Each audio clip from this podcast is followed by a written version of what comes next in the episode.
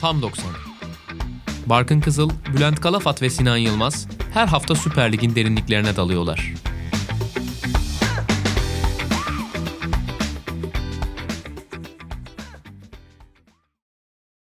Sokrates Podcast'te Tam 90'ın 11. bölümüne hoş geldiniz. Bugün ben Barkın Kızıl, Bülent Kalafat ve Sinan Yılmaz'la beraber Süper Lig'de geride bıraktığımız haftayı konuşacağız. Ve ilk olarak lider Trabzonspor'la başlayacağız sizlerle beraber. Sinan senin de yerinde takip ettiğin bir maç bir kez daha Karagümrük Trabzonspor mücadelesi ve lider Trabzonspor 7 maçtır kazanmaya devam ediyor. Son 10 maçtaki de 8. galibiyetlerini aldılar ve yavaş yavaş ligde artık çok erken bir finali de herhalde yapmaya doğru gidiyorlar diyebiliriz. Yani ligin tadı yavaş yavaş kaçmaya başladı. ya o işin şakası falan da kalmadı. Yok efendim Trabzon ikna etmiyormuş da Yok orta sahaları çok geçirgenmiş geçirgenmiş de bilmem ne. Yani Trabzonspor Şam demek meşrulaştı galiba gibi gel- geliyor bana biraz. Yani bir de kazanan her zaman haklıdır. Sonuçta sonuç oyunu. E, iyi kaleciye sahip olmak da o sonucu getiren aktörlerden bir tanesi. Ve bu bu sefer ben Trabzonspor'u da beğendim açıkçası. İşte birinci, ikinci viteste gitmesine rağmen puan farkı açıyor. Dördüncü, beşinci viteslere çıkarsa neler olur artık hiç düşünemiyorum diyordum. Sanki bu maçta üçüncü vitese çıkma maçı da olabilir bu. Trabzonspor için iyimser durumlar söz konusu benim adıma. Bunlardan mesela bir tanesi hep eleştirdiğim isimlerden Dorukan Toköz'ün eleştirme sebebim şuydu. Geçen sezonları sakat geçirmiş bir oyuncu olarak transferi çok uzadı ve yine yaz kampı geçirememişti. O yüzden sezona da iyi giremeyeceğinden bahsediyordum. Yine iyi giremedi ve yine sakatlıklar yaşadı ama nihayet Dorukan Toköz yavaş yavaş o maç ritmini ve fizik kalitesini yakaladı. İşte Karagümrük'ün en etkili oyuncusu Karamoğ'a karşı oldukça etkili bir oyun tabii. sergiledi. Karamoğ olduğunca sıfırladı. Yarın öbür gün Bruno Perez geldiğinde orta sahada da çift yönlü oynayabilecek bir ismin Dorukan olarak yani tekrar Trabzonspor için değer katabileceğini de düşünebiliriz. Öbür tarafta Abdülkadir Ömür'ün de yine Dorukan gibi sürekli yükselen bir form içinde olduğunu da söyleyebiliriz. Yükselen oyuncular var yani yine mükemmel bir gol attı Abdülkadir. Evet. Canini de bence net bir yükseliş var. Cornelius maç ritmini toparlıyor. Onda daha az da olsa diğerlerine nazaran onda da bir yükseliş var. Ve Trabzonspor yine net bir pozisyon vermedi. Yani yine derken yani yine şut çektirdi ama böyle kaleciyle karşı karşıya veya çok net bir pozisyon vermedi. Bir tek ikinci yarının başında Emre Mor'un sol çaprazdan vurduğu bir şut var. Ama yine önünde bir stoper vardı. Aynen öyle. Ben de şeylere baktım Sinan. Bütün şutların Karagümrük'ün gol beklentisine bakayım hangisi yüksek falan diye. Bir de şeye yüksek vermişler. Ön direkte bir pozisyon vardı. Ama onda da mesela Hugo şeyi bozuyor. Vuruş yapan oyuncuyu bozuyor. İkinci yarının başında bir ön direk şutu var Karagümrük'ün. Hmm. Bir sağdan gelen bir ortaya vuruluyor. Onun dışında zaten bütün şutlar bloklanmış neredeyse veya ceza sahası dışından. Yani gene ya çok düşük gol beklentili şutlara sevk etmiş rakibi sayıca fazla olsa da ya da senin dediğin gibi rahat bırakmamış mesela. Yani temiz vuruş vermemiş. Ve ben de mesela bu maçta özellikle Trabzonspor'un arka tarafında oynayan oyuncuların tamamını çok başarılı buldum. Evet. Hugo, Edgar. Evet. Ki biliyorsun yani Hugo benim çok eleştirdiğim bir oyuncu. Ama bana sanki Karagümrük maçını arka taraf tuttu. Ön tarafta her zamanki gibi 3 pozisyon bulsa zaten yetiyor. Doğru. Yani 3 pozisyon buldular yetti. E, arka taraf tuttu ön tarafta kopardı. Dorukan da topa müdahale ve pas arasında toplam 10'u bulmuş. E, bu da çok acayip bir rakam. Tackle, tackle artı. Tackle artı interception'da 10'u bulmuş. Ki dediğin gibi yani Karamok gibi çok formda ve çok da iyi bir oyuncuya mevkisi için ligimizin en iyi oyuncularından bir tanesine karşı yaptı bunu hakikaten iyi, Trabzonspor'un iyi savunma yapıyor olması yani nihayet yapabiliyor olması değerli. Bence en önemli şeylerden Geride bir tanesi. Geride bekleyerek oynamaları da tabii biraz bunu şey yaptı. Daha evet. rahat yapmalarını sağladı. Yani %65 topu bırakarak oynadığını ben e, şey Trabzonspor'un uzun zamandır hatırlamıyorum. Abdullah Avcı da bu arada nihayet çok iyi savunma yapmaya başladık diye açıklamasında Doğru. konuştu. Güzel, yani o güzel. savunma üstüne kurup aslında ön tarafta rahat bitirebildiklerinin gayet farkında. Hani taktik zaten bunun üstünden gidiyor gibi Trabzonspor için. Bugüne kadar şunu yaşamaması Trabzon'un ilginç. Yani ne olursa olsun savunmayı gömülü yapıyorlar. Geride bekliyorlar ve şut anında kaleyle kaleciyle şutu çeken arasına bir stoper koymanın dezavantajı da biraz geride savunma yapmak.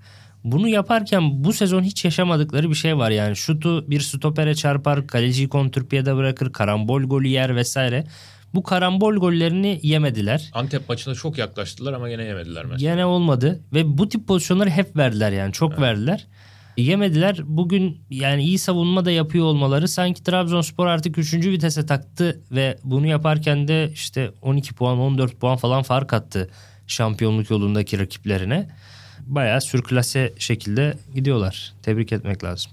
Peki Karagümrük cephesinde değinmek istedikleriniz var mı? Yine sevdiğiniz takımlardan bir tanesi yorumlamayı ama bu hafta liderle karşılaşmanın belki de tabii dezavantajı da yaşamış olabilirler. Ya hem öyle hem de yani Farioli'nin sistemi için en önemli olan oyunculardan birincisi yoktu bir kere. Ayrıca onun da en önemli iki yardımcısı yoktu. Yani Zukanovic ve Burak geriden çıkan pasların Bigli'ye ulaşmasında önemli isimler.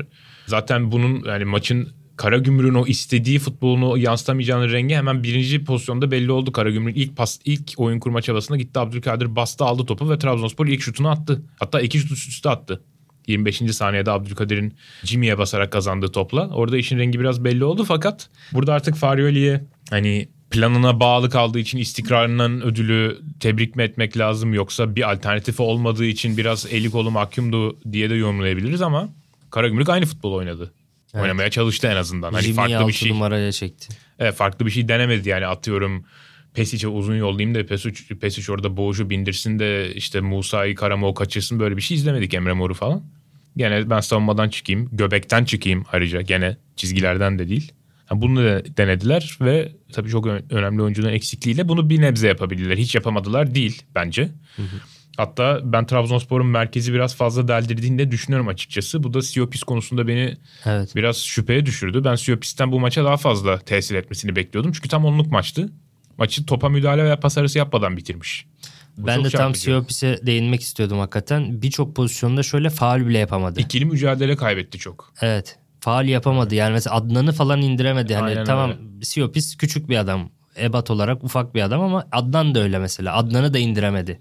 Evet. Hatta ilk yarının ortalarındaydı o pozisyon. Adnan götürdü. Sonra final pasını yapamadı da Evet. uzun süre hani indirmeye çalıştı. Sarı kart görmeye çalıştı. Onu da başaramadı. Ya, aynen öyle.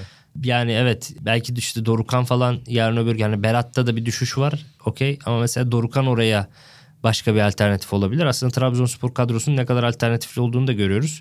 Bu arada pazar günü de kongre olacak Trabzon'da. E, Ahmet Ağaoğlu'nun yeniden başkan seçilme durumu büyük ihtimalle gerçekleşir. Ve devre arası da yine transferler gelir diye tahmin ediyorum. Ben bu kadar yakalamışken şansa bırakmamak için.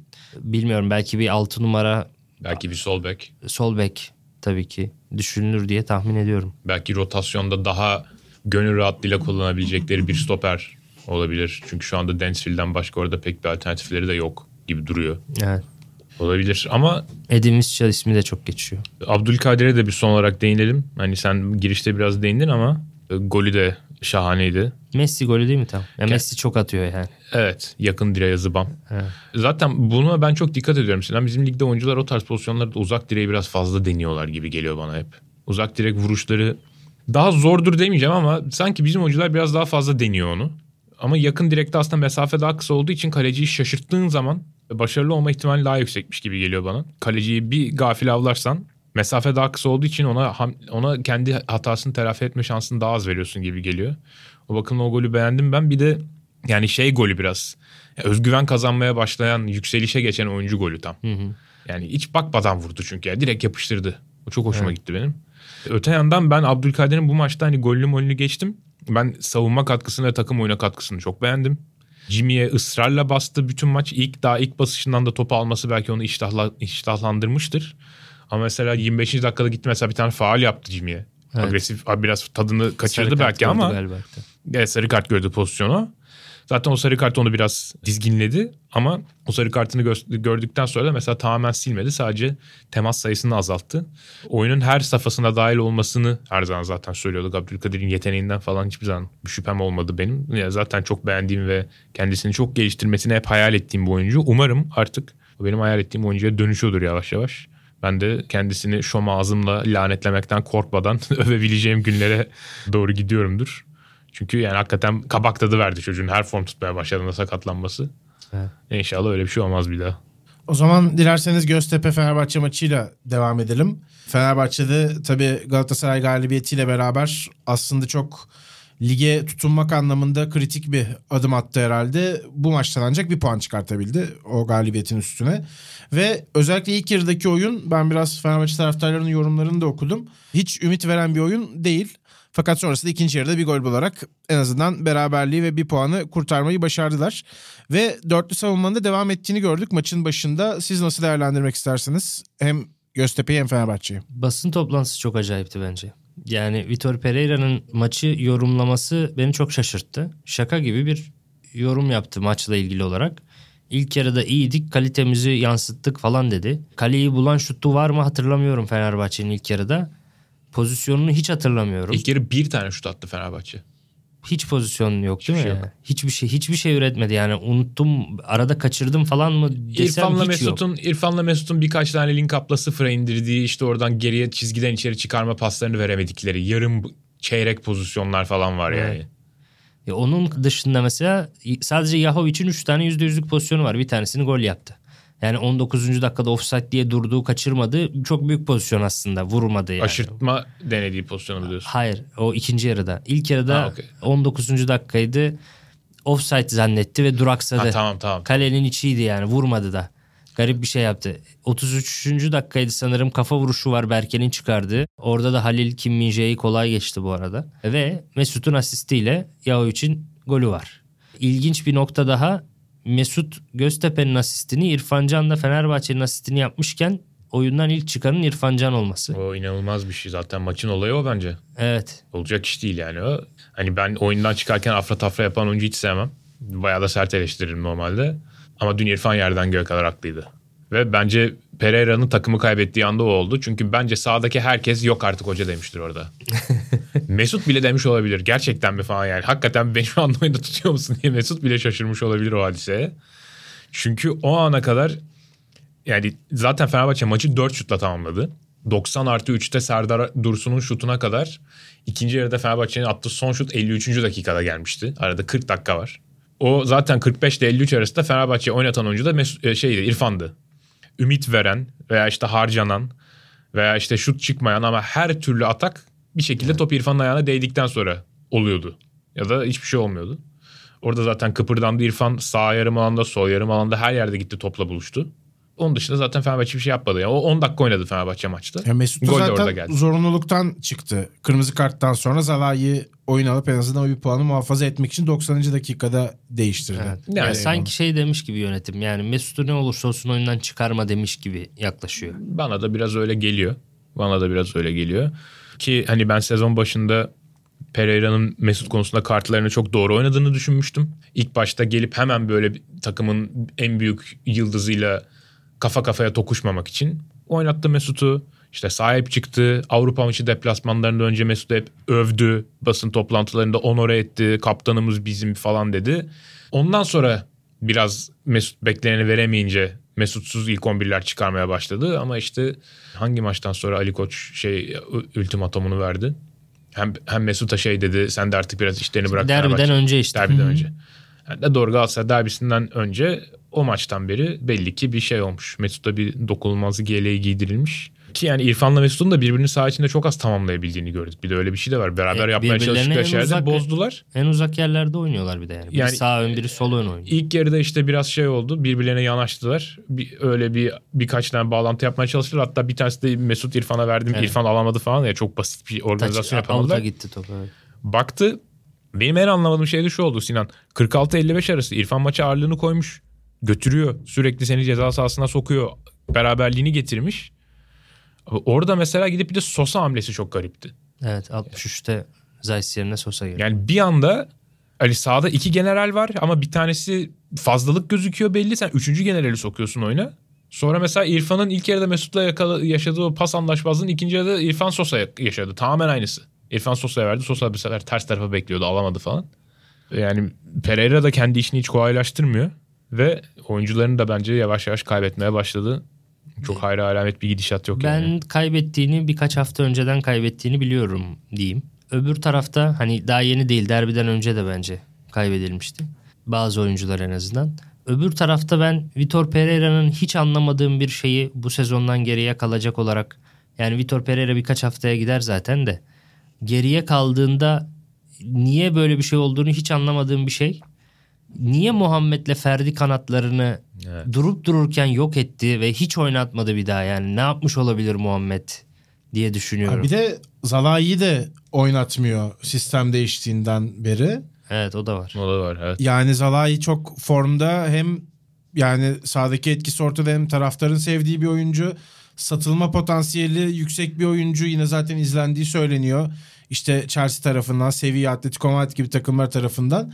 Ama şu anda sahaya sürmediğiniz zaman tabii hem piyasa değeri düşüyor hem takıma zaten katkı veremiyor hem de sistemi bozmuş oluyorsunuz. Ve şeyi hatırlayın mesela geçen sezonun ikinci yarısında Fenerbahçe ileri çıkmakta çok zorlandığı zaman Zalai acayip iş çözüyordu orada. Diagonal çizgiye pas atarak 60 50-60 metre paslarını atarak en azından o baskıdan çıkabiliyordun İsa iyi bir pasörün olduğu için.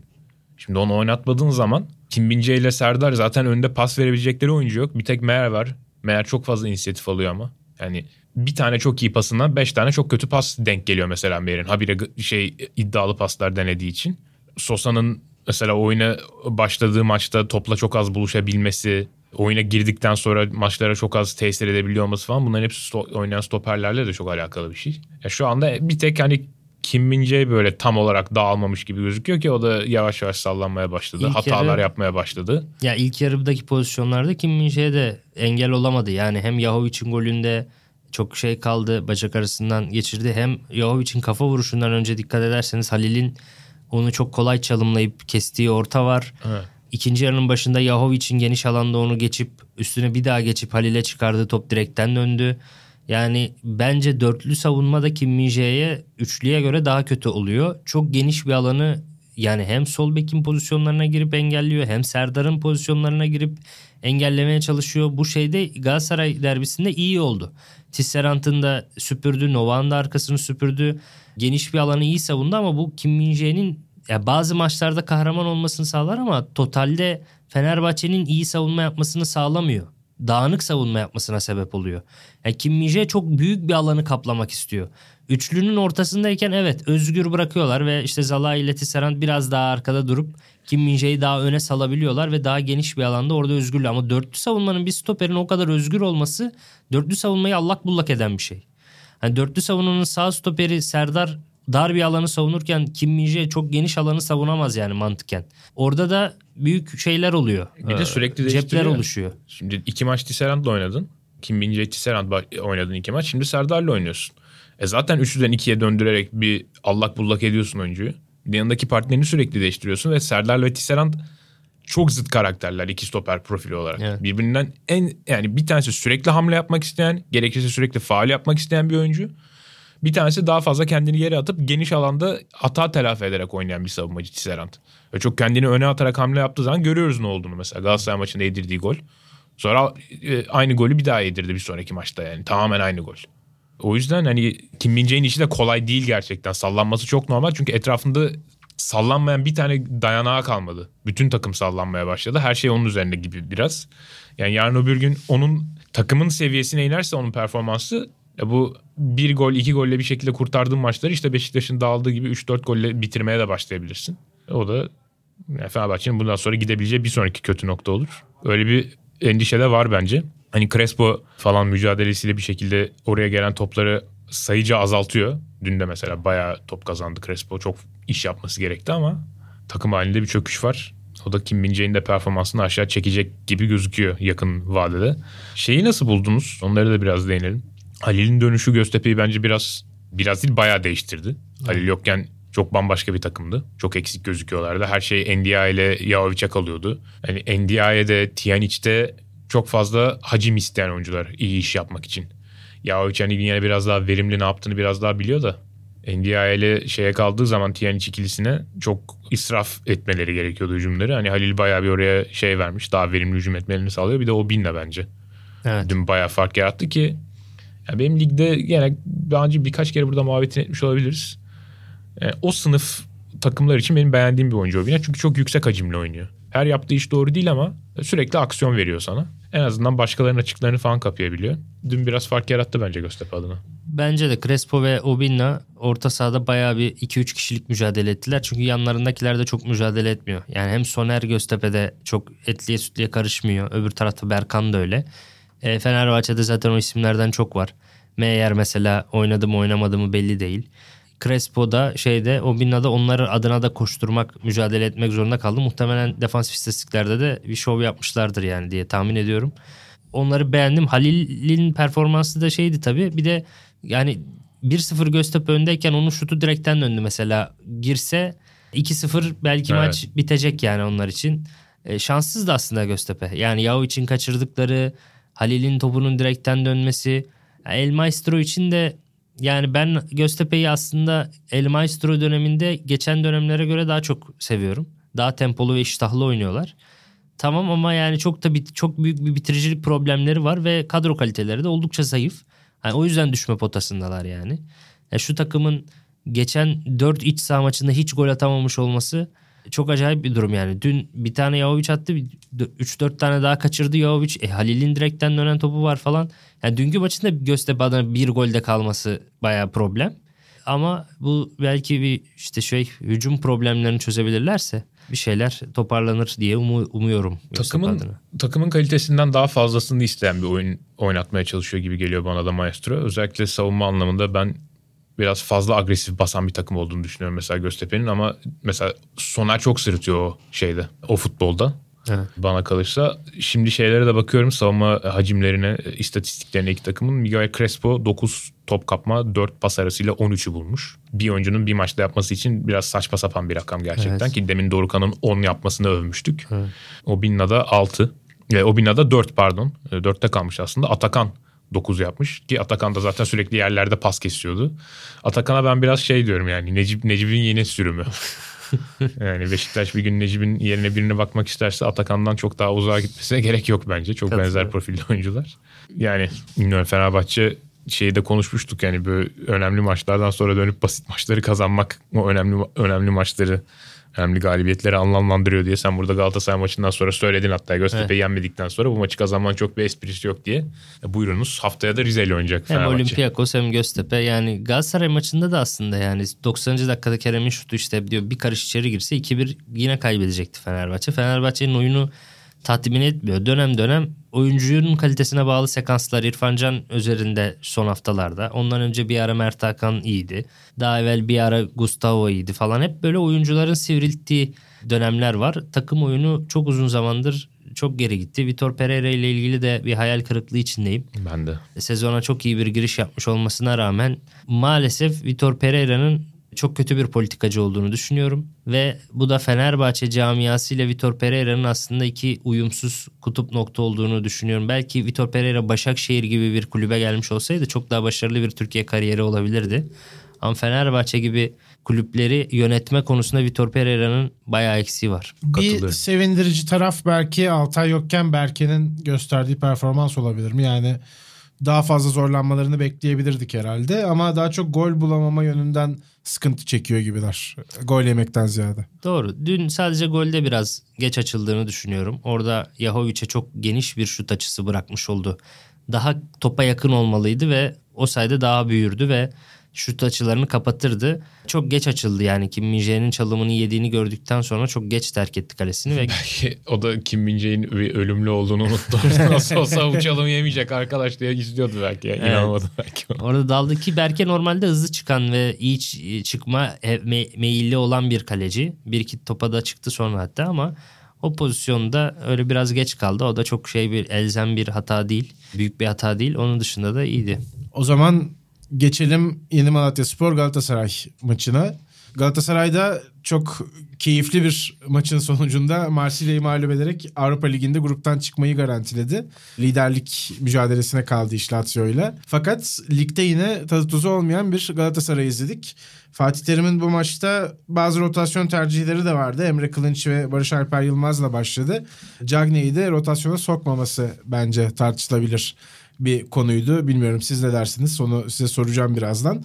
Ve golsüz bir beraberlikle ayrılmış oldu Malatya'dan. Galatasaray yine liderlik takibine devam etmek isterken o cephede de bir yara aldılar. Bunun dışında herhalde Halil Dervişoğlu'nun kaçırdığı birkaç pozisyon maç için çok kritik olabilirdi. Maçın özellikle son bölümlerinde son 15 dakikasında o da yine yakın kaçırmaya devam ediyor. Zaten konuştuğumuz konulardan bir tanesiydi. Nasıl değerlendiriyorsunuz Galatasaray ve Yeni Malatya'yı? Valla ilk yarısı çok ölü gibi geçen bir maçtı ve ilk yarısı itibariyle Galatasaray'ın aslında oyun kurmakta çok zorlanan bir ilk 11 tercih etmesi bir eleştiri konusudur. Barış Alper Yılmaz'a en uymayan maçlardan bir tanesi Malatya deplasmanı. Malatya çünkü çok kompakt ve kalabalık duruyor geride. E Barış Alper'in de dar alanda bilhassa meziyetsiz olduğunu biliyoruz. E hem Keçiören'de hem Ümit Milli Takım'da başarılı olduğu maçların hepsinde geniş alan kullanımını iyi yaptığı için başarılı olmuş bir çocuk. E bunu da böyle en beşli savunma yapan ve çok dar alana sıkıştıramaya çalışan Malatya'ya karşı Barış Alper'i tercih etmek. Yani belki de ligde 40 maçtan en oynamaması gereken maçta ilk 11 oynadı Barış Alper. O tercih baya böyle problemli bir tercihti ve işte 45'te çıkmak zorunda kaldı. Bence çok büyük bir teknik yanlış o. Niye öyle bir şey yapmış olabilirler diye düşündüğüm zaman yani Malatya savunmacıları Sadık, Semih falan biraz cüssü olarak problem yaşıyor. Acaba Cagney'i, Babel'i, Barış Alper'i hepsini kullanıp onları fiziksel olarak mı yenmeye çalıştılar? Onu mu düşündüler maç öncesi diye diyorum ama hiç şey yapmadı. Sahaya yansımadı. Mesela bir Kaner ortaya gelsin de arka direkte Barış Alper veya Babel vursun falan öyle bir şeyler hiç olmadı. Öyle Cagney- direkt bir futbol da oynamadı mesela Galatasaray. Doğru. Hemen onları birebir bırakacak. Zaten öyle bir oyun anlayışı da yok ki yani. Evet. Zaten oyun kurmaya çalışan, top kullanmaya çalışan bir oyun anlayışı var Galatasaray'ın. Onda da şey çok fark etmedi mi? Bak dediğin gibi mesela önde 3 tane atlet kullanıyorsun ama sen hala geriden oyun kurarak ayağa paslarla çıkmaya çalışıyorsun. O zaman hem Kerem'i hem Feguli'yi hem, Çıkıl, hem Çıkıldağ'ı hep beraber kestiğin zaman yani Emre Taylan ve Berkan'dan mı bekliyorsun o zaman o üçünün verdiği kere- bağlantıları falan? Yani o hiç olacak iş değildi zaten ki olmadı ilk yarıda hiçbir bir şey. kere Keremsiz oynamayı çok unutmuş Galatasaray. Yani Değil bu Kerem'in bireysel performansının mükemmel olmasının dışında takım Kerem'e o kadar alışmış ki Keremsiz sudan çıkmış balığa döndüler. Ve Kerem dışında Kerem'e en benzer yetenek paketine sahip olan oyuncu Morutsan. E Morutsan Marsilya maçında da oynan, oynamamış. Yorgun da değil. Hani Kerem olmadığı zaman Kerem'in pozisyonuna koyduğunuz zaman Kerem gibi dribbling yapabilecek, dar alanda etkili işler yapabilecek bir oyuncum var zaten. Doğru. Morutsan. Belki bir de Emre Kılıncı kenarda oynatırsan zorlar. Emre Kılıncı iç oynatıyorsunuz. Morutsan'ı da hiç oynatmıyorsunuz. E o zaman takım birden Babel ve Barış Alper gibi iki tane fizik kanatlı oyuncuyla bambaşka bir şey oynamaya çalışıyor ki ilk 45 dakika tamamen Galatasaray adına çöpe atıldı. Yeni Malatya'yı zaten dünden razı. Çünkü hem Teteh yok. Teteh'i geçtim. Mustafa Eskellaç gibi ikinci bir koşucu olabilecek ikinci iki oyuncusu var zaten. İki tane koşabilecek oyuncusu var. İkisi de yok Oraya da Hafez'i atmış. koşamayacak 11 oyuncuyla oynuyor Malatya ve aslında rakip yer alana gömmek için baskılı bir oyun için takım savunmasını çok önde kurmak için en ideal maç bu. Mesela Nelson ve Markao çok geride konumlandılar. Adem mi savunma arkasına koşu atacak? Kim atacak yani? Ki Adem'i Galatasaray çok erken sindirdi zaten. İlk 25 dakika bittiğinde şey belli oldu yani. Adem Malatya'yı rakip yarı sahaya falan taşıyamayacaktı yani. O çok belli olmuştu. Yani Bir tek Münir çalımlarıyla topu rakip yarı sahaya taşıyabiliyordu. O da ilk 15 dakika falan Malatya Spor kendi sağından gelmeye baş denedi. Orada Markao'ya takıldı takıldı takıldı. Ondan sonra neredeyse bütün hücumlarında sadece Munir tarafından geldiler. Nelson Yedlin tarafından ki o da olması gerektiğinden fazla etkili oldu bence. O da Nelson Yedlin'e eksi yazar. O, yani bir tane oyuncuyla yeni Malatya gibi bir takım seni o kadar zorlayamamalı. Ya Ama o oydu yani. mesela bireysel olarak çok yetenekli. Topu iyi taşıyor ama topsuz oyunda o da sıfır. E, Karar vermeleri falan da Yani- çok sıkıntılı. Evet. sen takım savunmasını orta sahaya kadar çıkarsan hiçbir şekilde seni zorlama ihtimali yok Malatya'nın. Çünkü net savunma arkası koşu atabiliyor ne orada bir pivotu var hiçbir şey yok yani Adem'i kullanmaya çalışıyor o şekilde ama yani bu kadar problemli bir yeni Malatya'ya karşı bu kadar geride beklemek de Galatasaray adına taktik açıdan yine çok kötü çalışılmış bir plan. Ki fırsat verdi yani. Öyle yaptığı için yeni Malatya mesela duran topların hepsine mesela hiçbirine Galatasaray savunması vuramadı mesela. Duran toplardan bir tanesi gol olabilirdi. Al başına belayı mesela. Hiç gerek yoktu onlara. Doğru. O kadar davet ettiği için yeni Malatya Sporu. Doğru. O kadar konservatif, o kadar muhafazakar çıktığı için onlar da hiç ummadıkları kadar Galatasaray 18'ine soktular topu. Yani hiç öyle bir şey olmayacaktı aslında senin dediğin gibi. Biraz daha agresif şey yapılsaydı, e, başlansaydı maça. Ve ilk yarı itibariyle hem Berkan'ın hem Taylan'ın oynaması da bilhassa Berkan çok tek yönlü kalıyor. Onlar da biraz bana fazla görünüyordu. Düşüş de var değil mi Berkan'da performansında nihayet? Yani Temmuz'dan Biraz. beri şeye baktım Yorgunluk. rakamlarına. Maç başına pas arası artı şey ortalaması 6 çocuğun. Pas arası ve topa müdahale. Bu maç 0 çekti mesela. Ama Berkan Hiç bana çekmemiş. sanki bu maç biraz daha hücum inisiyatifi almaya çalıştı gibi geldi. Birkaç pozisyonunu hatırlıyorum. Yani belki de mecburen. Tayland'la Çünkü oynayınca galiba. Tayland'la oynayınca evet Malatya karşısında. Ya ben 65 dakikaya kadar Berkan Taylan'ın biraz fazla olduğunu düşündüm ve Halil artı Santrfor girmesini beklediğimi hatta Twitter'a da yazmıştım ama ikinci yarının başında Çıkıldağ ile birlikte Galatasaray pozisyonlar buldu ya. 15 dakika. El- evet. 57'ye kadar falan bayağı bir etkiliydi. İki tane net pozisyon Çıkıldağ orada girdi bir şeyler yaptı. Bir tane Cagney'in direkten dönen topu var falan. Çıkıldağ öyle iyi bir başlangıç geldi ikinci yarının başında. Hatta bir oyuncu daha girdi. İki oyuncu değişikliğiyle başladı Galatasaray maça. Barış Alper, Çıkıldağ bir de Emre Kılınç yerine de Kerem girmişti. Kerem Aktürkoğlu tabii ki.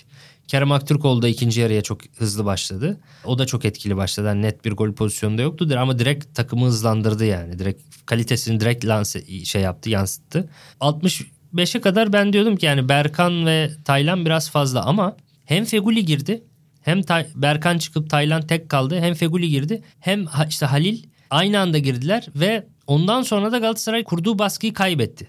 Aslında orada yanılmışım diyorum bir yanda.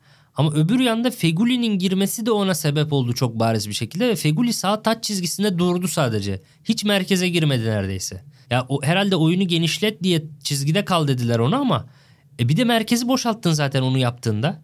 Yani forvet aldın Halil'i, Kerem'i almıştın. Cagne var içeride. E, Feguli'yi de genişlet diye sağ taç çizgisine Taylan büyük bir boşluktan tek başına sorumlu kaldı ki Taylan'ın da artık yani 65 sonrası en yorulduğu 25 dakika. Yani takım da yoruldu oradan sonra. Feguli ile de mesela oyunu genişletmek istemezsin aslında. Çünkü geniş bir nokta yani çizgi üzerinde Feguli ile topu buluşturduğun zaman mesela içeri çekip driplingle artık Tabii. merkeze girme özelliği yok artık Feguli'nin. Merkezde buluşturman lazım. Orada sana hiç vakit kaybetmeden finali yapacak. Aynen öyle. Ya top atacak adam. Gezzal gibi değil yani Feguli mesela. Alsın çizgiden girsin içeri. Quaresma'yı yaptırıyordu Şenol Güneş. O da değil. Yani Evet. driblingçi bir kanat değil. Veya alanı kullansın. Ya artık alanı değil yani. gitsin. Evet. %100 ve Feguli de çok etkisiz oldu zaten son 25 dakikada. Doğru. Hani Feguli merkeze girseydi Taylan'ın yanına gene olurdu. Halil Cagne Çıkıldağ'ı da sağa öne at atıyorum. Ama mesela Çıkıldağ'ı çekti geri. Çıkıldağ da forvetlikten uzaklaştı. O girdiği gol pozisyonları düştü birden çocuğun. Hani o geri geldi Taylan'ın yanına. Onun forvet etkinliğini kaybettin. Feguli sağ çizgide kaldı. E, çok etkisiz kaldı. Ben taktik açıdan Galatasaray'ın çok başarısız. Her hamlesinin birbirinden başarısız geçtiği bir maç olduğunu düşünüyorum. Buna rağmen de oyuncu kalitesiyle alabilirdi. Çünkü Yeni Malatya bayağı kalitesiz bir takım. İşte Halil'in bir iki tane becerisiyle alabilirdi. Cagne'nin vuruşu direkten içeri girebilirdi, alabilirdi. Yani maçı Galatasaray ikinci yarıdaki hamlelerle Çıkıldağ'ın girişleriyle falan da kazanabilirdi ama taktik açıdan çok başarısız bir maç çıkardıklarını düşünüyorum açıkçası. Fatih Terim'in locada olmasının etkisi var mıdır? Bence çok yoktur. Çünkü maç planı zaten çok kötü bir kere. En kötüsü maç planı. İlk 45 dakikanın çöpe atılması. Var mı ekleyeceğiniz bir şey yoksa Beşiktaş'la Yok, devam edelim? Yine çok skor olarak da kötü bir mağlubiyet Beşiktaş'tan. Oyun yönünde belki başka şeyler söylersiniz ama kötü gidişat devam ediyor. Zaten Avrupa'da da ortada bir durum var. Yapılan transferlerden hiç bekleneni bulamadılar ve biraz fazla yatırım yapmış gibi gözüküyor bu noktada Beşiktaş. Ama daha kısa vadeyi konuşalım. Ligi konuşalım doğrudan. Giresun karşısında kendi evlerinde alınan 4-0'lık bir mağlubiyet. Beşiktaş için çok iyi gözükmüyor işler. Hatta hiç iyi gözükmüyor. Neler söylemek istersiniz? Biraz Sergen Yalçın'dan da bahsedeceğiz herhalde. Sergen Yalçın'ı maçın son yarım saatinde da işte uzatmalarla yarım saatten daha uzun bölümünde ben kadrajda hiç görmedim. Üçüncü golden hemen önce kulübeye oturdu ve bir daha çıkmadı oradan. E, O da artık zaten kendi demeçlerine de yansıyor, söylüyor çaresiz olduğunu, ne yapacağını bilmediğini. Yani o noktadan sonra da oyuncularını biraz kaderine terk etmiş bir teknik direktör havası vardı. Ne yapacağını bilmediğini söyleyen bir adamla yola devam etmek doğru bir tercih mi sence? Bana biraz şöyle geldi Sinan. Sanki yönetim de çok hazırlıksız yakalandı. Hmm. Yani bence şu anda gidebilecekleri biri yok. O yüzden Sergen Yalçın'a devam etme kararı aldılar gibi geldi bana biraz. Ya Şenol Güneş'i ikna edemediler. Ya Şenol Güneş tam istedikleri yanıtı vermedi. Çağdaş Atan'ı belki düşünmüyorlar. Belki Çağdaş Atan'a da bir yokladılar. Çağdaş Atan da aman yok ben bu Beşiktaş'ı almayayım. Leke olacak kariyerimde diye düşündü. Çünkü kim dokunmak ister böyle bir takıma? Bir de öyle bir şey de var yani. Çağdaş Atan ister bence. Çağdaş Atan için iyi bir fırsat olabilir çünkü. Yani bu seneyi bir şekilde sonuna kadar götür. Ondan sonra kendi planını inşa et bir diyecekler Çağdaş Atan'a.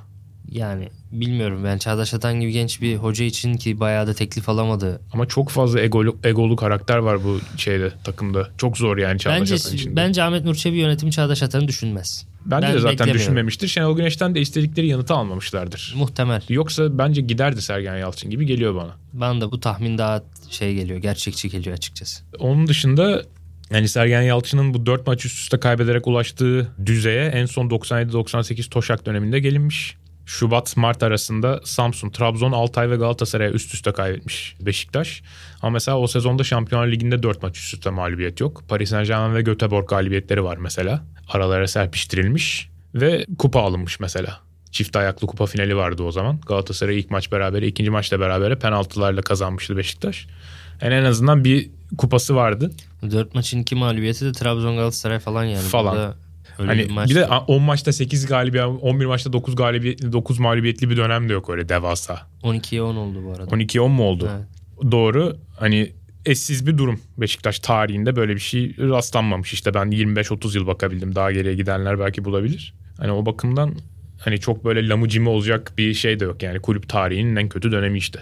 Aşağı yukarı. Valla bir yandan evet doğru dönem olarak baktığında çok kötü gidiyor. Ama bir yandan ben Giresun maçında Beşiktaş'ın özellikle ilk yarım saatinde bayağı beğendim. Hatta yani şöyle Giresun ligimizin en az kalesine şut çektiren takımıydı. Maç başına 8.5 şutla ortalama. Ve öyle bir hatta ben maça gittim yani. Maça gitme nedenim de Giresunspor'un savunmasını nasıl yaptığını biraz anlamaya çalışmak için gittim yani. Ne yapıyor bu Giresunspor'da bu kadar az şut attırıyor. Lige çıkmış çok kötü futbolcularla oynayan bir yeni bir takım nasıl en az şut attıran takım olabilir diye gittim. Onu göremedim hiç. Çünkü Beşiktaş net bir baskıyla başladı ve o baskıyı hiç kıramadı Giresunspor. İlk 25 dakikada Beşiktaş'ta bol bol şut imkanı buldu. Bol bol orta imkanı da buldu. Karambol imkanı da buldu. Okan Koçuk çıkardı bir iki tane e, net. Rozier'in çaprazdan şutunu çok net çıkardı. Gezal'ın uzaktan şutunu iyi çıkardı. Rozier'in bir tane vuramadığı var. Şeyden çapraz top aldı. Altı pasının hemen köşesinin içinde soluna çekti ama blok yedi Evet. falan. İlk 10 dakika itibariyle Batshuayi ve Larin çok etkili oldu. Evet. Ki bu kadar etki olmalı olmalarını da beklemiyordum. Çünkü sırtı dönük o, o kadar da muazzam oyuncular değiller. Batshuayi daha iyi ama Larin mesela sırtı dönük bayağı problemli bir oyuncu aslında ama o da iyi başlamıştı. Batshuayi çok iyiydi bence sırtı dönük Evet, işlerde. Yani ba- Batshuayi'ye sırtı dönük atılan her toptan bir şey çıkıyordu neredeyse. Larin biraz offside'lere dikkat etse oradan gol de çıkardı gibi Yüzde yüz. duruyordu. Ben hatta 10. dakika sonunda Batshuayi'nin inanılmaz etki ettiği bir santrforla oynamak herhalde Beşiktaş taraftarı için şey hani oh çok be santrfor varmış düşüncesi oluşturmuştur Fiziksel olarak çok net Türkiye'nin en güçlü oyuncusu bence. Yani fiziksel olarak bu kadar donanımlı başka bir oyuncu yok bence Türkiye'de. Kim yani- de güçlü bayağı. Evet, santiforlar arasında diyelim en azından o zaman Hı, hücum oyuncuları veya yani Batshuayi'nin seviyesinde olan belki de tek oyuncu fiziksel olarak Kim Min-jae falan da diyebiliriz. Çünkü Ya şey- gerçekten çok fark ediyor. Üç tane oyuncuyla adamın üzerine üşüşüyorsun. D- Çıkıyor oradan Ya yani. güçlü olmak da mesele değil de Bülent. Mesela şimdi Okaka da güçlü ama hem güçlü olup hem bu kadar çabuk olabilmek. evet. O, o büyük bir mesele. Evet, yani. fiziksel Batshuayi- paket olduğu gibi Evet. çok iyi. Yani denge, çabukluk, Evet. güç, hızlanma, Hepsi son sürat hepsinde Türkiye standartlarının çok üstünde bir oyuncu Batshuayi. Ama mesela o kadar da etkili başladı. İlk yarının sonlarında Sergen Yalçın'la tartıştılar. Bilmiyorum o televizyonlara yansıdı mı? Ben tribünde olduğum için fark ettim belki de onu. Koşu attı yine savunma arkasına koşu gösterdi. Sergen Yalçın da gel topu iste koşu atma diye ona çıkıştı. Hani aslında bir oyuncularla Sergen Yalçın arasındaki şeyin biraz iplerin aslında ko- koptuğunu ve o tartışmadan sonra Batshuayi de oyundan düştü biliyor musun? Yani ilk 30-40 dakikadaki etkinliğini bir daha göstermedi Batshuayi de. Zaten Beşiktaş hep bütün maçlarda yani Sporting Lisbon deplasmanında da Dortmund'da içeride oynadığında da hep 15-20 dakika çok iyi başlıyor. O kadar. Ve orada gol 15-20 gelmiyor. dakikalık takım olur mu ama yani? 90 dakika maçlar. 15 dakikada takım düşer mi yani? Ve burada yani Rozier'in penaltı aslında bir şey. Geçen seneden beri olan hem işte Rozier'in savruk kenar orta çıkışları zaman zaman eline çarpıyordu. işte penaltı verilmiyordu, veriliyordu veya işte savruktu yani hep. Bu maçta patladı. Aynı maçta Necip de patladı. Necip de hep gözünü kapatıp giriyordu. Bazen ıskalıyordu bazen topa vuruyordu falan ama hep tehlikeli girişlerdi. E bu maçta o da patladı. Yani şanssızlık Beşiktaş'ın en kritik maçında artık Şampiyonlar Ligi işi bitmiş dönmüşsün Başşuay gelmiş. En önemli maç bu Giresun maçı iç saha. Kazansan belki yeni bir sayfa açabileceksin beyaz sayfa. Bu maçta bir senedir şey yapan sıçrayan çekirgelerin ikisinin birden hem Rozier'in hem Necip'in ikisinin birden patlaması ve takım iyi oynarken patlamaları Beşiktaş adına ilk yarıda çok büyük şanssızlıklar oldu. İkinci yarıda da Mert Günok şovunu yapınca ikinci gol öncesi iş işten geçmiş oldu zaten. Bitti orada iş. Yani Necip ve Rozier detaylarının Beşiktaş'ı dağıttığını katılıyorum. Bunun sadece şanssızlık olduğu konusunda o kadar emin değilim. Tesadüf değil bence. Çökmekte olan bir takımda bireysel performansların bu noktaya varması. Yani zaten teknik direktörün bir iki maçtır maçtan sonra yaptığı yorumlarda oyuncularını çok öne attığını görmüştük. İşte bir önceki galibiyet, mağlubiyetten sonra çıktı bu sorumluluk benim değil bu kadar kötü oynayamaz bu oyuncular falan dedi. O saatten sonra bu tarz bireysel hataların ben her maç tekrarlanmasını bekliyorum açıkçası. Bundan sonraki maçlarda da böyle şeyler olacak bence. Wellington'dan olacak. Batshuayi'den olacak. Wellington'da yaptı zaten ikinci. İşte Larin'den olabilir.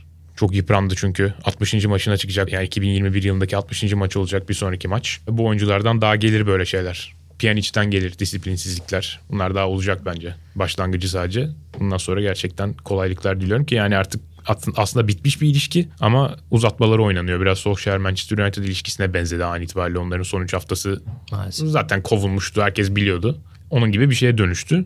Zor gerçekten. Hani Vida ve Wellington'a güvenmenin ne kadar hatalı bir şey olduğunu uzun süredir anlatmaya çalışan biri olarak yani bir kere daha hatırlatmakta fayda var. Takım kötü gittiği zaman iki tane iyi stoperin olması seni çok uzun süre şey yapabilir. Su üstünde tutabilir. Yani Vida ve Wellington gibi iki stoperin olduğu zaman takımın kötü gitmek gibi şansı yok. Maalesef yok yani. Çünkü hata yapma imkanı bulduğu zaman yapan stoperler bunlar. Yani ikinci golde işte Wellington'u indirme, Diabate'yi indirmeye çalışıp indirememesi. Evet. Orada da Diabate'nin ayakta kalması çok güzel. Ee, üçüncü Halil'in- goldeki hatası gene Wellington'un yani. Halil Lokomotiv Moskova maçında mıydı yapmıştı bunu ya? Rakip orta sahaya geçerken işte Halil'e vurdu. Halil düşmedi. Devam ettirdi ve Feguli golü Evet. atmıştı Moskova maçında. Diabate de aynısını yaptı. Bayağı da ince bir adam aslında. Wellington ona vur yani Wellington da çok kol- kalın bir adam. Wellington şeye Diabate'ye tekme atıp kendi yere kapaklandı. Yani komik bir andı biraz. Ee, ve Giresun'un golü geldi. Mesela üçüncü gol e, Mert'in hani önde sektirip yedirdiği golde de hani Vida ve Wellington topu oraya sektirmemeleri lazımdı. Geçen hafta mesela Ersin çıkmıştı ben bunlara güvenmiyorum deyip temizlemişti ta yarı sahaya kadar. O ikinci gol değil miydi bu arada? İkinci golde özür dilerim. Az önce anlattım üçüncü golde sanırım. Evet. İkinci gol bu. İşte onda da Ersin'in geçen hafta yaptığı hareketin ne kadar doğru olduğunu görüyoruz. Adamlar oraya topu sektiriyor çünkü arkadaş oraya top seker mi? Öyle saçma şey olur mu yani? Allah aşkına bir de oraya kadar topu sektirmişler duruyorlar bir de. Ya koşun bari biriniz kaleye kadar ya Mert bir hata yaparsa. Tam orada yaptığı kadar büyük bir hata yapmayabilirdi Mert. Ama gene de bir şey olabilirdi. Bari biriniz kaleye doğru koşun da mesela Montero'nun oyuna girer girmez yaptığı gibi kaleye giren topu çıkarsaydınız mesela biriniz. O da çok enteresan yani. Montero'nun o yaptığını ben çok takdir ettim. Girer girmez direkt kaleye doğru koştu adam. yani bismillah ilk dokunuşunda çizgiden top çıkardı yani. Tebrik etmek lazım kendisini. Başına gelecekleri biliyormuş diye. Biliyor, yakın, iyi izlemiş maçı kenardan. Bazılarından daha iyi izlemiş. Öyle diyelim. Ha Bir de İstanbul büyükleri o kadar kötü gidiyorlar ki Beşiktaş şu maçı kazansa Galatasaray ile Fenerbahçe'nin arasına giriyordu. Bir puan Yani. işte birinde önünde bir puan birinin Evet. gerisinde oluyordu. O zaman biraz da isterseniz yine iki favori takımımız olan Konya Spor ve Hatay Spor'dan da bahsedelim kapatmadan önce. Çok iyi gidişat gerçekten iki takımda da ama bu hafta takıldılar. Konya Spor belki biraz dar kadrosunun kurbanı oldu. Antep karşısında yenilmekten kaçamadılar. 3-2'lik bir maç. Hatay Spor'da bence şok denebilecek bir sonuç herhalde. Sivas'a karşı 4-0 kaybetti. Yatabare net yaptığı maçta. Kısa kısa bu iki maça da değinmenizi rica edeceğim sizden. Ben Konya maçını izledim. Hatay maçını siz gelmeden önce burada tamamını izlemeye başlamıştım. Gollerine falan bakmıştım da yani Konya maçına biraz değineyim. Bir kere yani Antep'i tebrik etmek lazım. Hem geriden geldiler öne geçtiler hem de daha sonra maç beraberliğe geldikten sonra bir kere daha öne geçip maçı kazanmaya başladılar. Maçın her safhasında gol atmayı başardılar. Ve maçın her safhasında Konyaspor'u zor duruma düşündürdüler. Yani Konyaspor hiçbir zaman maçı alıp ben şimdi bu oyunu domine ediyorum havasını veremedi böyle 5-10 dakikalık şeyler dışında. Orada da rotasyon zayıflığının işte ne kadar önemli olduğunu görüyoruz. Hani bir şeyi koyuyorsun işte orta sahadan çekiciyi çıkardığın zaman bir Empoku ile mesela bir şey deniyorsun. Hacı Ahmet Oğuç Soner ikilisinin yanında çok sırtıyor mesela. Hani çekicisiz hiçbir şekilde olmayacak gibi gözüküyor. Empoku fiziksel olarak bir şeyler katar falan diye bekliyor belki İlhan Palut haklı olarak ama yani çok fark var. Konyaspor'un Empoku ile yapabildikleri ve o yokken yapılanlar arasında. Belki onlara devre arasında öyle bir şey gerekebilir. Biraz fizikli kalıplı bir oyuncuya ihtiyaçları var. Çünkü çok minyon kalıyorlar. Yedikleri golde de mesela kafa golünde Adil Demir tedavi görüyor. Alt çizgisinin hemen dışında sağ içinde hava topu alabilecek iki tane oyuncu kalmış. Bir tanesi Çikaleşi, bir tanesi de diğer stoper Aniçic. Geri kalan oyuncuların tamamı minyon. Bekler minyon. Orta sahaların hepsi minyon. E, kanatlar minyon. Duran topların hepsi zaten etkili oldu. Bir Rahmanovic var aslında orta sahada. O da Yedekte de yok işte. Kullanmıyor. yani. Doğru. Yani yedekte de oyunu alıp hani fiziğiyle fark yaratabileceği bir oyuncu yok. Belki onlar devre arasında biraz öyle bir oyuncuya yönelseler fena olmayabilir gibi geliyor bana. Olabilir. Yani Amir'i de 6 numaraya çektikten sonra net bir cüsse dezavantajları var. Geçen programlarda da Konya ile ilgili hep soru geliyordu ve ben de o dönemde yani kilit oyuncuların alternatifinin olmadığını mesela Gilerme'nin alternatifinin olmadığını, stoperlerin alternatifinin olmadığını, Amir'in alternatifinin olmadığını söylüyordum ve hani bir tanesi olmadığında kurtarabiliyorsun. Amir Fenerbahçe maçında yoktu ama işte Soner falan iyi kotardı. Ama iki tanesi birden olmazsa kurtarabilir mi onu çok emin değilim demiştim ve iki tanesi birden yoktu. Hem Ahmet Çalık hem Abdülkerim yoktu. İkisi birden olmadığında da gol atamayan Gaziantep'in 3 tane gol attığını gördük. Devre arasında bu rotasyon zafiyetinin giderilmesi lazım. Hatay'ı izleyemedim. Nasıl 4 tane yediler Sivas'tan. İnan Süper Lig'le ilgili hiç aklımın almadığı şeyler oluyor. Abi çıkarken çok top kaptırmışlar. Ben bir 35 dakika izledim siz gelmeden önce işte. Ama Benim şu- görebildiğim oydu. Ha bir de kırmızı kart var ama kırmızı karta kadar 3-0 zaten. Evet, Evet, evet. Evet. Ya bir de ben şu, şuradan çok şaşırıyorum. Sivas'ın bir önceki hafta maçı Başakşehir'leydi. Ben onu yerinde izledim. Ve Sivas çok kötüydü Başakşehir maçında. Hiçbir şey yapamadı. Bu Sivas'ın kaç hafta sonra gelen galibiyeti oldu? 7 haftadır falan kazanamıyordu Sivas zaten Evet, galiba ve- değil mi? 4-0'la. Bak Karagümrük'ü de 4-0 yenmişti Sivas. ve ondan sonra aylarca kazanamadı. Ve işte son maçında mesela Başakşehir'e karşı çok kötü oynadı. Ve şimdi yine 4-0. Yani ligle ilgili bir şeyleri tahmin etmek, kestirmek Gerçekten imkansız ya. çok zor yani. Yani nereden bilebilirsin ki Sivas Başakşehir ma- maçında bu kadar kötü oynayıp da daha sonra Hatay'a 4 atacak. Akıl almaz bir lig Sinan Yılmaz uyarıyor uzak durun Süper Lig'den çok fazla bu kuponlara. Ya şey de çok garip zaten. Hani gol beklentisi averajına bakıyorsun. Yani mesela birinci Başakşehir. Üçüncü Giresunspor. Dördüncü Sivasspor ligde. Evet. Ya bu çok saçma bir şey. Ya Premier Lig'de mesela ilk üç takım lock diye en tepe. Zaten iki tanesi gitmiş mesela. Artı 20 averaj yapmışlar gol beklentisinde Liverpool'la City. Arkalarından Chelsea geliyor. Artı 15 averaj falan yapmış. 13-15. Ondan sonra mesela belli bir dağılım var gene hareket etmiş takımlar. Mesela son 5 sıradaki takımlar da çok net. Yani uçlar bir şey anlatıyor. Bizim ligimizde uçlar çok az şey anlatıyor. Evet Rizespor en aşağıda falan da. Mesela Karagümrük de çok aşağıda. En Trabzonspor böyle çok ucundan yukarıda falan. Böyle çok garip yani. En son 7. hafta Fatih Karagümrük'ü 4-0 yenmişler. 25 Eylül. evet. Şimdi tekrar 4-0. Ha, Bir de iddialı takımlara karşı yapıyorlar. Yani şey Konya ile oynadı mı onlar? Sırada Konya mı var yani. bakalım Konya Spor maçı için öyle bir beklenti olabilir evet.